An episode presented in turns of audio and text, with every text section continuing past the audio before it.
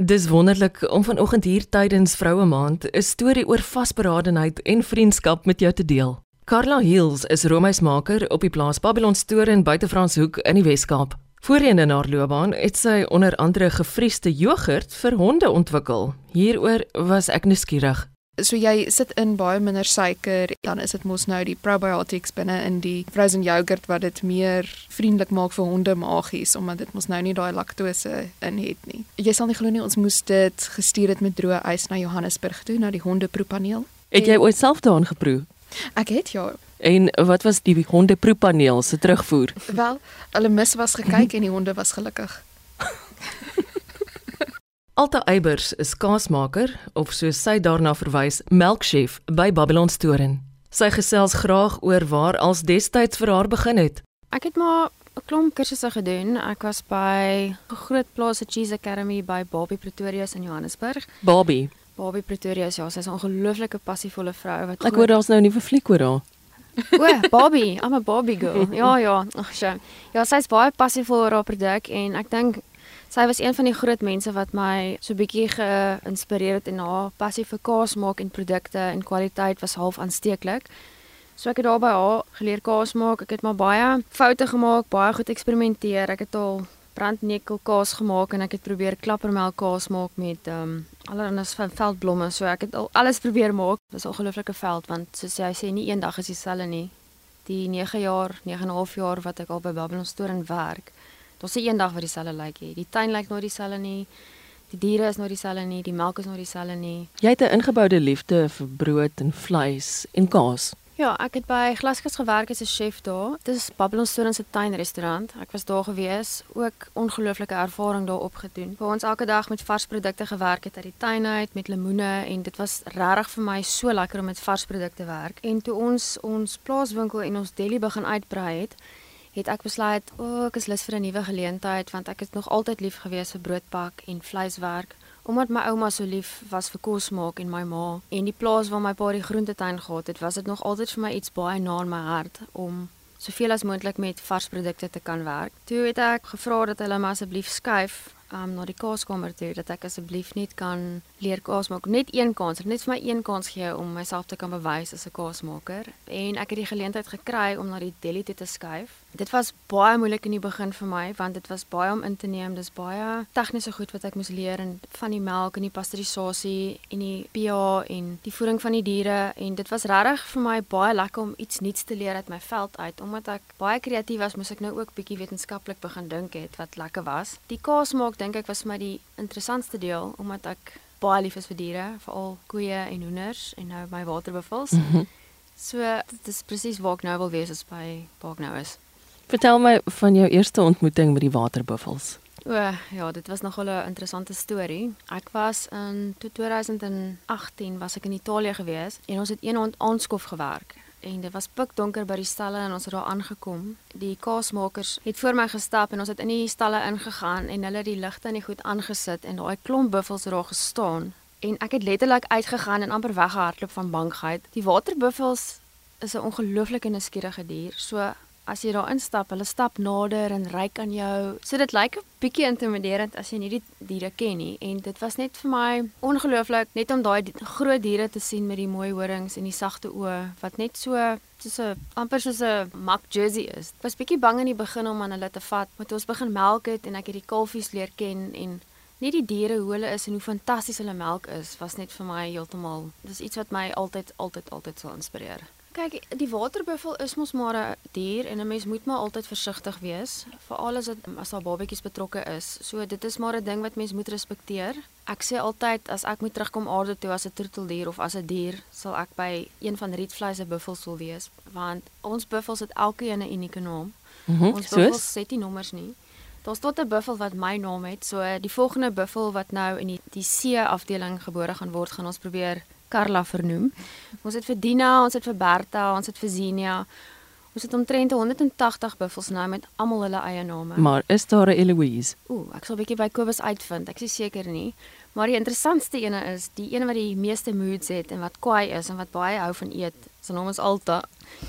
So ons lag lekker as ons vir Alta sien by die stalle. Jy kan hulle uitken by hoe hulle maniertjies is, hoe hulle lief is vir mekaar. dit is regtig waar nie net 'n dier nie, maar dit is soos 'n spesiale wese met sy eie persoonlikheid. Hulle word nou al vir 'n lang tyd ook gebruik in tradisionele produkte in Italië. So dis eintlik 'n heel ander dier, maar ja, so hulle is kleiner en baie meer sagaard. Karla, jy soos ek is 'n oud Vrystater. Jy was gelukkig genoeg om op 'n plaas te kon groot word. Ja, ja, nee, ek het op 'n plaas groot geword en Kroonstad. Ja, dit was uh, omtrent 80 km buite Kroonstad uit, naby 'n klein dorpie Arlington, maar uh, baie min mense weet waar dit is. Ek het daar groot geword en ek het maar nog 'n uh, baie groot liefde vir die plaas. Groot liefde vir innoverende produkte ook, maar nie so seer die kommersiële sy daarvan nie. Ja, kyk, ek het gewerk in produkontwikkeling in 'n fabriek vir uh, net so oor 'n jaar. En toe ek sien daar's 'n pos oop vir 'n uh, artisanal ice cream maker by Babylon Store en toe ek dadelik besluit dit is vir my want jy het meer vryheid om te besluit wat produkte jy het, vryheid om te kyk na wat daar in die tuin is. En uh, dit het nogal vir my baie aangetrek. Voedselwetenskap geswat. Ja, ek het 'n meesters in voedselwetenskap. Toevallige omstandighede het ook gelei dat daar 'n baie groot prys ter sprake was vroeër vanjaar. Die vorige jaar het ons die waterbuffel gelato net ingestuur vir opinies van die beoordelaars af want hy het nie regtig sy eie klas nie. En hierdie jaar het ons dieselfde gedoen. Toe stuur ons ons salted almond and dark chocolate gelato in. Weer net vir opinies, maar hierdie jaar het hy geval in die waterbuffel klas en ons was verstom geweest by die prysuitdeling toe ons hoor dat dit nou 'n Dairy Champion prys gewen het. Ons kon dit nie glo nie. En toe stuur ons hom ook vir die Aurora International in en hy het 'n goud daar gewen. Was 'n skok geweest toe ons sien die naam op die skerm, Babylon Store in die produknaam en dit het eers nie geregistreer by my nie en uh, ons melkboer Kobus hy moes my help opstaan want ek ek was 'n bietjie vasgevries vir 'n oomblik.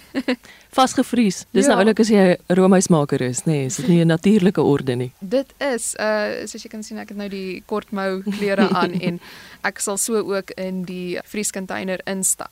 Geen probleme nie, maar Alta, sy sê wou my eendag nog help om te tel in die stok daar binne en sy het een van hierdie warm freezer jackets aan en als en sy staan daar en bibber en ek sê vir jy kan maar gaan. En sy sê probeer nog 'n bietjie braaf wees sy sê is jy seker? Ek sê ja nee jy kan maar gaan ek weer omdraai te sy weg. Maar die die interessante ding is dat my hande is altyd yskoud yskoud. Carla wat die romasmaker is, sy hande is so warm, sy kan nie vir my help om botter te verpak nie, hande is te warm. So die kaasmaker het koue hande en die romasmaker het warm hande wat ironies is, ja. Ironies Baie. Is. Nee, jou temperatuur, jou termometer moet verstel word, Carla. Ja, definitief. Ek dink ek's nog gewoond aan die Vrystaat koue. Een van die goed wat die Roma so uniek maak op hierdie stadium is die waterbuffelmelk. Daar's baie min mense wat boer met waterbuffels in Suid-Afrika en dan om nog gelato daarvan te maak dit is ongelooflik skaars hierso. Maar wanneer dit kom by die geure, ons geure is gebaseer en geïnspireer op die plaas. So baie keer wanneer mense 'n uh, koffie ice cream het, dan is dit 'n geursel, maar met ons, dit is die koffiebone wat gerooster word op Babylon Storen wat ons dan die koffie maak met 'n klein bialetti en dit gebruik in ons gelato. Wat is 'n bialetti? Dit is 'n klein koffiepotjie. So ons prit ons koffie as ons op die uh, as ons onderaan sê by die ingredients freshly brewed coffee, dan het ons hom daai dag nou eers geprit. Moerkoffie. Moerkoffie ja, omtrent. As ons sê apple pie, dan is dit appels wat gepluk was op Babylon storing en ons het dit verwerk in 'n pulp in met kaneel om dit te kan gebruik of as ons sê dit is 'n rooibos, 'n spiced rooibos, dan is dit die rooibos wat ons op Babylon storing het wat ek alles in 'n groot kaasstuk gooi en dan wanneer die melk warm is, dan dip ek daai groot kaasstuk met die rooibos soos 'n teesakkie in die melk en dan infuse ons die melk eintlik so met die rooibos geur. So dis nie geursels en kleursels nie, dit wat daarin is, dit word geïnspireer deur die plaas. Alta, daar was 'n geluk by die ongeluk oomblik wat toe 'n wonderlike produk gelewer het. Sure. Daar's eintlik twee sulke stories wat ek nou aan dadelik aan dink. Die heel eerste ene is die skewer wat ons nou tans verkoop, is die aluminium skewer wat ons die jaar die Quality Award vir gewen het by die Suid-Afrikaanse Suiwelkampioenskappe. En um, ek onthou die een van die heel eerste produksies toe ek begin kaas maak het, het ons die aluminium gemaak en Ons het nie baie netjies in die yskas teruggesit nie en dit het baie krom en skeef uitgekom en ek kon dit nie regtig mooi verpak nie. Toe dink ek, o, genade, ons het nou hier baie kaasblokkies wat ons nou nie kan verkoop nie want dit lyk ongelukkig onooglik en ons wat vir ons belangrik is by Babylon Store is die mense moet visueel dit moet 'n mooi produk wees want vir ons verpakking is alles. Kwaliteit, verpakking en net hoe dit lyk. En um, ek het toe besluit, okay, ek gaan nou maar so saadjies maak van die blokkies kaas en ek het krye gaan pluk uit die tuin uit en ek het dit gemarineer met olyfolie en selimoensap en krye en knoffel, die saadjies stokkies gemarineer en verpak. Dit het in die winkel gesit om te kyk, uh, kom ons kyk of dit dalk miskien sal verkoop. Die maandag is alles uitverkoop. Dat mense teruggekom om nog te wil hê, nog te wil hê. Toe maak ons dit een van ons produkte omdat dit dit is ook gebaseer op die tuin, die kruie en die olie, die olyfolie en die sitrus. En um, ons het laas jaar 1.5 ton verkoop van die produk. Wat dit uniek maak is elke liewe blokkie word met die hand gesny. Die uh, rosmarinstokkies word met die hand skoon gemaak. Dit word gereig met die hand, dit word gemarineer, dit word verpak, geseël, alles met die hand. So al ons produkte is regtig uniek omdat ons dit alles met die hand doen. Die tweede ongeluk geluk by die ongeluk was met my mozzarella kaas. Het ek ongelooflik gesukkel om die kaas mooi sag te kry dat hy 'n lekker perfekte tekstuur het en ek was altyd op my senuwees oor die produk van die kaas. Ek kon nie die kaas kry soos wat ek hom wou gehad het nie. Ek onthou eendag het ek kaas gemaak en dit het nie reg uitgekom nie en ek het die balletjies so gevat en ek het hom op die grond gegooi en gevoel Ek is klaar, ek gaan my sak vat en gaan. Die balletjie kaas was so hard die mozzarella, dit het eintlik gehop soos 'n tennisballetjie teen die vloer en ek het net gedink, nee wag, ek moet nou huis toe gaan. Volgende dag toe kom ek terug, weer met die moed van, okay, ek gaan my kaas regkry vandag. En uh, ek het 'n ongelooflike besige dag gehad en ek het vergeet dat ek melk in my kaasvat het en dat ek besig is om mozzarella te maak. En 2 ure later toe besef ek o genade, ek het nooit my kaas gesny nie. Dit lê al 2 ure langer as wat dit moet lê. En ek dink, "Wel, wat is die ergste wat kan gebeur? Ek gaan nou maar aangaan met die proses." En toe ek 2 ure langer vat met die proses, toe kom my kaas perfek uit. Ek was so bly gewees. Ek het daai kaas gevat. Ek het vir almal gaan wys hoe sagge kaas is. Ek het letterlik amper 'n traan gepik want dit was regtig lank gesukkel. Seker 6 maande wat ek gesukkel het om my kaas te bemeester.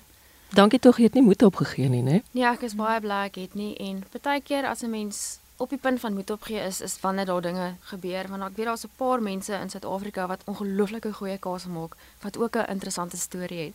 Alta, wat sê jy aan ander vroue in landbou in Suid-Afrika? Dit is nogal moeilik. Daar's baie daar wat ek net gedink het, ja, dit is baie harde werk fisies, dis emosioneel harde werk. Maar in die aand as ek in die bed klim, dan dit voel vir my ek het iets gedoen vandag en dit is uniek omdat jy met diere werk, jy werk met die tuin, jy werk met die natuur. Dit is so rewarding in die aand om in die bed te klim en te weet jy het nou vandag 'n verskil gemaak. Ek wil graag my naels doen, ek wil graag grimering dra en oorwelletjies dra en hakskoentjies dra, maar dit is so die moeite werd om alles op te gee vir 'n lab jassie en 'n wit hoedjie en hande wat altyd kort naels het met snye of brandplekke op en voete wat seer gewerk is met gumboots. Die girls wat boervrouens is, soos my skoonsussie se maat aan die Rolina, is 'n eiste vrou. Sy maak kos, sy slag, bewerk vleis, kyk na haar kleinkinders. En daar's baie vrouens op buite wat my inspireer oor om 'n boervrou te wees. En my ouma was ook ongelooflike, 'n ongelooflike boervrou. My oupa was 40 jaar terug oorlede en my ouma het ses plase bestuur, sy het brood gebak.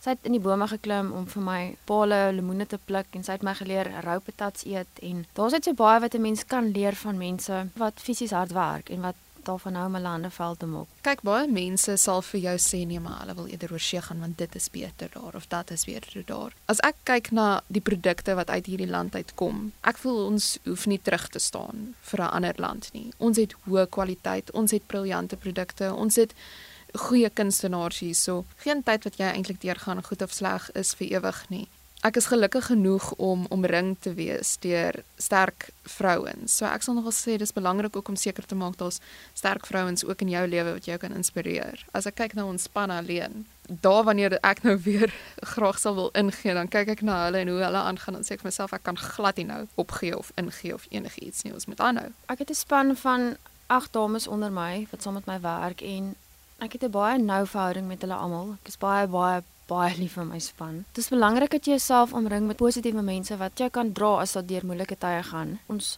werk saam hard, ons ondersteun mekaar, ons bid saam, ons skel saam, ons sorteer dinge saam uit, maar op die einde van die dag as ons huis toe gaan, dan weet ons ons het mekaar. Carla Hills en Alta Eybers werk op die plaas Babylon Store naby Franshoek. Dankie dat ek die spesiale vroue maand program met jou kon deel. Ek is Eloise Pretorius en ek sien daarna uit om binnekort weer so te maak. Totsiens.